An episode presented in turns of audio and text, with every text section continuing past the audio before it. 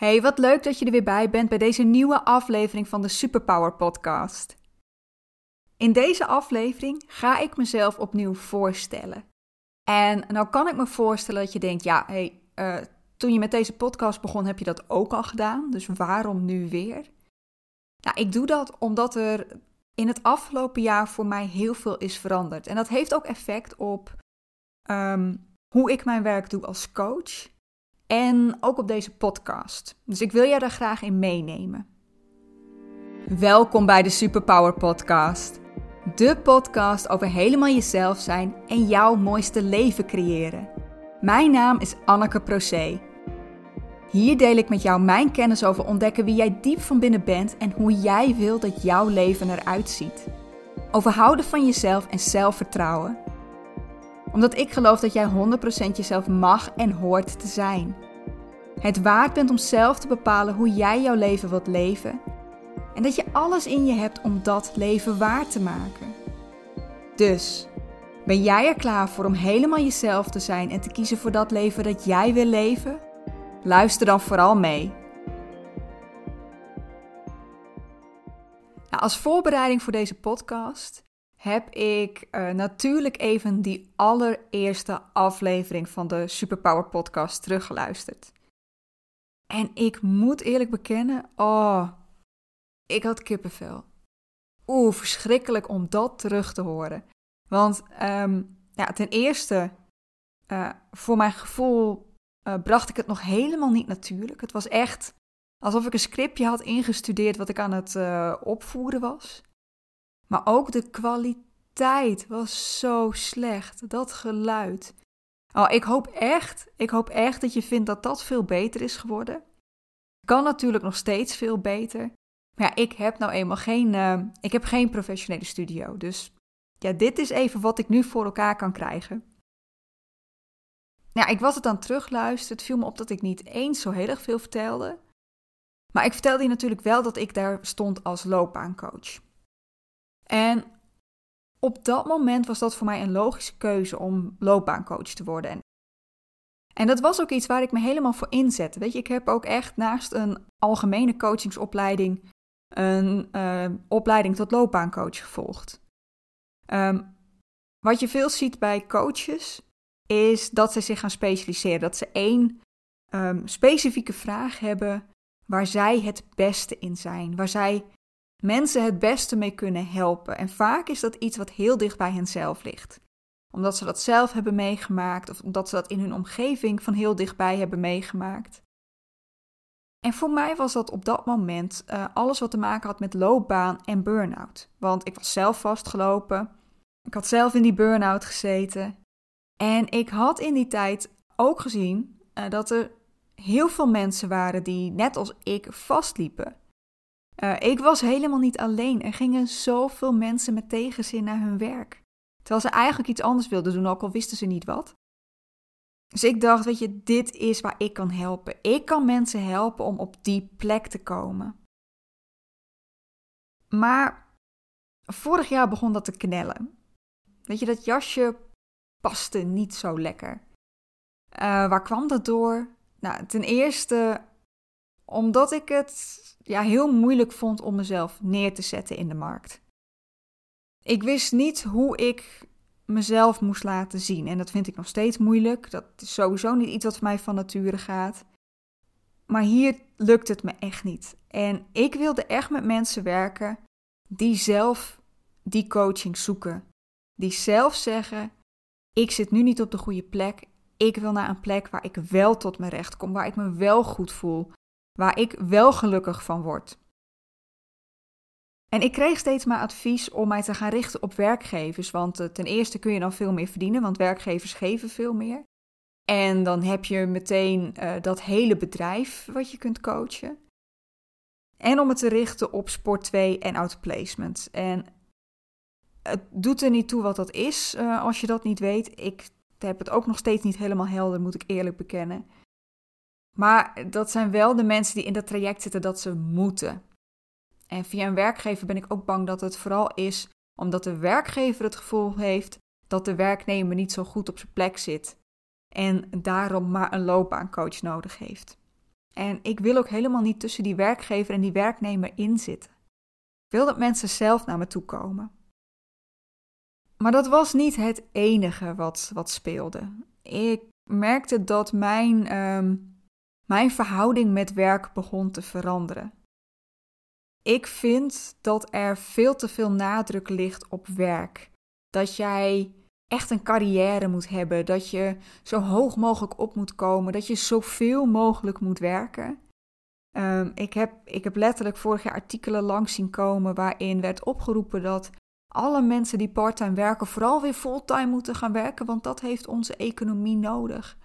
En dan denk ik, moet alles draaien om die economie? Moet die economie echt altijd sterker worden? En ik vind dat wij als mens niet alleen maar een, een radertje zijn in dat rad van de economie. Jouw leven is meer dan dat. Er is meer dan werk. En als jij dat op jouw manier wilt doen, um, door parttime te werken of als zelfstandige of misschien in een werkveld die niet heel erg bijdraagt aan de economie, weet ik veel, dan moet je dat zelf weten. En daarom besloot ik dat ik niet langer geassocieerd wil worden met werk. In ieder geval niet alleen. Dat het niet moet lijken alsof het ook bij mij alleen maar om werk draait. Nou ja, die hakte er vorig jaar behoorlijk in. Uh, ging van kwaad tot erger, om eerlijk te zijn. Uh, misschien heb je het ook wel een beetje gemerkt dat de podcast uh, minder frequent kwam. Ik deed het eerst één keer in de week en dat ging naar één keer in de twee weken. En ik moet eerlijk bekennen dat het niet veel heeft gescheeld of ik was ook echt helemaal gestopt. En niet alleen met de podcast, maar helemaal met mijn onderneming. Ik heb het geluk gehad dat ik halverwege vorig jaar al begon te merken van dit gaat niet goed. Um, ik moet aan de bel trekken. En dat ik toen contact heb gelegd met een uh, business coach, business mentor, om daarmee, uh, ja, om daarin gecoacht te kunnen worden. En ik wist wel dat ik niet meteen bij haar kon beginnen, want haar wachtlijst stond helemaal vol. Maar ik zou dan begin 2021 kunnen beginnen. En in dit geval uh, zeg je misschien niet, maar toch een shout-out naar Daisy Amelsbeek. Tot nu toe echt, weet je, dankjewel, geweldig. Maar goed, dat ik dat heb gedaan, heb ik mezelf voor mijn gevoel een beetje mee gered. Want anders was ik waarschijnlijk echt gestopt. Wat ik op dat moment niet doorhad, was dat er op de achtergrond wel van alles al borrelde. Uh, alleen dat was in mijn onderbewuste. Ik had het niet door, ik kon het niet plaatsen. Ik was alleen maar bezig met wat wil ik zelf eigenlijk? En hoe kan ik in hemelsnaam iemand helpen als ik zelf niet eens weet wat ik wil? Nou ja, 2020, um, ehm, voor ons allemaal denk ik um, een uitdagend jaar, zullen we maar zeggen. Maar voor mij ook een jaar die mij heeft laten zien wat voor mij echt belangrijk is. Uh, door verschillende dingen die in 2020 gebeurd zijn, kwam ik erachter dat voor mij gelijkwaardigheid heel belangrijk is. Uh, jezelf kunnen zijn, harmonie. Ja, inspiratie voor mij is, daarvoor is geweest uh, de moord op George Floyd, die natuurlijk werd vermoord voor wie hij was. Een gekleurde Amerikaan. En ook wel corona. Uh, en vooral alles wat er op de achtergrond begon te spelen. Hoe we allemaal zo ontzettend bang voor elkaar werden, omdat iedereen een potentiële besmettingsbron was. En dat we elkaar gingen veroordelen um, voor het feit of we het wel of niet eens waren met de maatregelen. Als we kijken naar dat uh, gelijkwaardig zijn of je gelijkwaardig voelen en jezelf kunnen zijn, um, dan kom ik ook weer terug bij mijn eigen verleden. Um, ik was vroeger dat rare, stille kindje wat niet van zich liet horen. Wat er helemaal geen behoefte had om met de andere kinderen over het schoolplein te gaan rennen en te gaan schreeuwen, maar die het liefst gewoon lekker in de eentje was uh, in de pauze. En um, die ook na schooltijd het liefst gewoon lekker thuis in een boekje dook of ging zitten knutselen, maar niet per se met alle buurkinderen wilde gaan spelen. En ik leerde al heel snel, uh, vooral van mijn ouders, vooral van mijn moeder, dat dat raar was. Um, ik was niet helemaal alleen. Ik had nog wel één vriendinnetje. Uh, dus het was niet alsof ik helemaal een Einzelganger was. Maar blijkbaar moest je bevriend zijn met eigenlijk al je klasgenootjes. En ik was dat niet. Ik werd na schooltijd niet uitgenodigd om te gaan spelen. Ik werd niet uitgenodigd voor kinderfeestjes. En dit is één ding wat ik me echt nog ja, bijna op mijn netvlies geprint staat. Op dat moment ben ik op school. Uh, ik weet niet waar we mee bezig zijn, maar mijn moeder is er ook nog. En ik hoor haar tegen iemand zeggen hoe jammer het is dat ik niet uitgenodigd ben voor de verjaardag van, ja, noem een van de namen van de kinderen in mijn klas. En ik weet nog dat ik dacht, ik heb er helemaal niet bij stilgestaan dat ik niet ben uitgenodigd. Ik vind het helemaal niet erg dat ik niet ben uitgenodigd, maar blijkbaar moet ik dit heel erg vinden. En ik leerde daarmee dat het niet normaal was om ook heel veel alleen te willen zijn. En dat ik me moest aan gaan passen. Nou dat deed ik door proberen erbij te horen, door mee te willen doen bij de kinderen op het schoolplein. Nou, dat lukte vanaf dat moment al niet meer, want ik was dat rare kindje en ik was niet leuk als ik meedeed. Dus nee, ik mocht niet meedoen. Ik werd buitengesloten. Wat heeft dat met mij gedaan? Nou, ik ben daardoor heel lang heel onzeker geweest. Uh, want hoe ik het deed was blijkbaar niet goed. Ik moest het anders doen. En uh, ik had ook het gevoel dat ik niet goed genoeg was, omdat ja, mensen mij blijkbaar niet leuk vonden. En dit is iets wat ik heel veel om me heen zie. Ik zie heel veel mensen die niet zichzelf durven zijn en die zich aanpassen. Die niet voor zichzelf durven te kiezen. Um, die niet hun leven op hun manier leven, omdat ze het gevoel hebben dat zij dat niet waard zijn of dat ze dat niet kunnen. En dat terwijl dit leven gewoon 100% van jou is. Je hoeft aan niemand verantwoording af te leggen. Jij mag zelf bepalen wat jij, wie jij wil zijn en wat je in dit leven doet.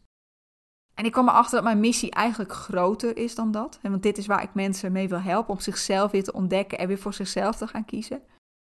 Maar eigenlijk is het groter dan dat. Ik vind dat we moeten stoppen met het oordelen met uh, een mening over elkaar te hebben. Om te zeggen: jij bent niet goed, want uh, dit is wie je bent, of dit is waar je vandaan komt, of dit is jouw voorkeur. En dan heb ik het even over: ben je religieus of niet? Uh, wat is je seksuele voorkeur? I don't know. Maar iedereen mag zijn wie die wil zijn. En doordat we elkaar steeds veroordelen en ons ook veroordeeld voelen, houden we elkaar klein. Deze wereld zou in mijn ogen zoveel mooier kunnen zijn als we, ja, daar komt de harmonie weer, maar in harmonie naast elkaar kunnen leven. Gewoon elkaar kunnen laten zijn wie we zijn. Ik denk ook dat als we niet allemaal op elkaar willen lijken, uh, dat we met z'n allen nog veel meer gedaan kunnen krijgen. Omdat we zijn niet allemaal hetzelfde, we kunnen niet allemaal hetzelfde. We hebben allemaal onze eigen krachten. Nou ja, daarmee was het nog wel heel breed. Dus ik ben ook natuurlijk wel een beetje nagedenken over wie kan ik hier dan het beste mee helpen. En voor mij zijn dat introverte vrouwen. Waarom? Nou, ten eerste, ik ben er zelf één. Uh, dat ik vrouw ben, dat heb je zeker weten wel gehoord. Maar ik ben ook super introvert. Maar ook doordat het juist deze introverte vrouwen zijn, introverte mannen trouwens ook, maar die gaan er anders mee om. Het zijn deze introverte vrouwen die altijd hebben gehoord: je moet anders zijn. Je bent niet goed genoeg. En zij zijn zichzelf helemaal gaan wegcijferen. Ze zijn zich aan gaan passen. Hebben keuzes gemaakt die niet bij ze passen, maar waarvan ze dachten dat ze die moesten maken. En ik wil hen helpen om uh, ten eerste zichzelf weer te leren kennen. Want uh, ze hebben er allemaal laagjes overheen geplakt en weten misschien helemaal niet meer wie zij nou echt zijn en wie ze echt willen zijn. Uh, er met hen achterkomen hoe zij willen dat hun leven eruit ziet. En dat ze weer gaan zien dat ze het waard zijn om daarvoor te kiezen, om dat leven te gaan leven wat zij willen leven. Betekent dit dan dat je als uh, extravert of als man meteen buiten de boot valt?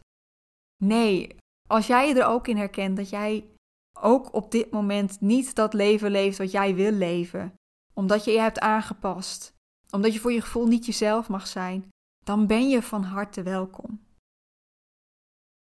Nou ja, voor jou als podcastluisteraar ben je denk ik vooral benieuwd wat dit betekent voor de podcast. Nou, de podcast blijft. Het blijft ook de Superpower podcast, want ik geloof nog steeds dat wij allemaal onze eigen unieke superkrachten hebben en dat we die meer mogen laten zien. Hij blijft ook één keer in de twee weken voor nu. Misschien ga ik dat later weer veranderen, weet ik nog niet. Maar op dit moment moet er gewoon heel veel gebeuren op de achtergrond, speelt er heel veel, waardoor ik daar ook prioriteit aan moet geven. Daar gaat ook tijd en energie in zitten. Qua inhoud gaat het wel veranderen. Nou was ik al heel erg op jezelf leren kennen, maar wel vanuit een loopbaanperspectief. En dat loopbaanperspectief dat gaat wegvallen. En inhoudelijk gaat deze podcast nu meer richting nou, wel jezelf leren kennen, over zelfliefde, zelfvertrouwen, kiezen voor jezelf, je eigen leven leven. En ja, ik hoop natuurlijk dat je dat nog steeds heel erg interessant vindt, dat je lekker, gaat, dat je lekker blijft luisteren. Um, ja, we zullen zien. Ik hoop dat ik hiermee weer, uh, dat, dat ik hiermee een beetje heb kunnen vertellen wat er bij mij op de achtergrond speelt, waarvoor ik dit doe, uh, waarom ik hier zo graag mee aan de slag wil. En um, nou, ik hoop je de volgende keer weer te zien. Heel erg bedankt dat je hebt geluisterd naar deze aflevering van de Superpower Podcast. En uh, tot over twee weken.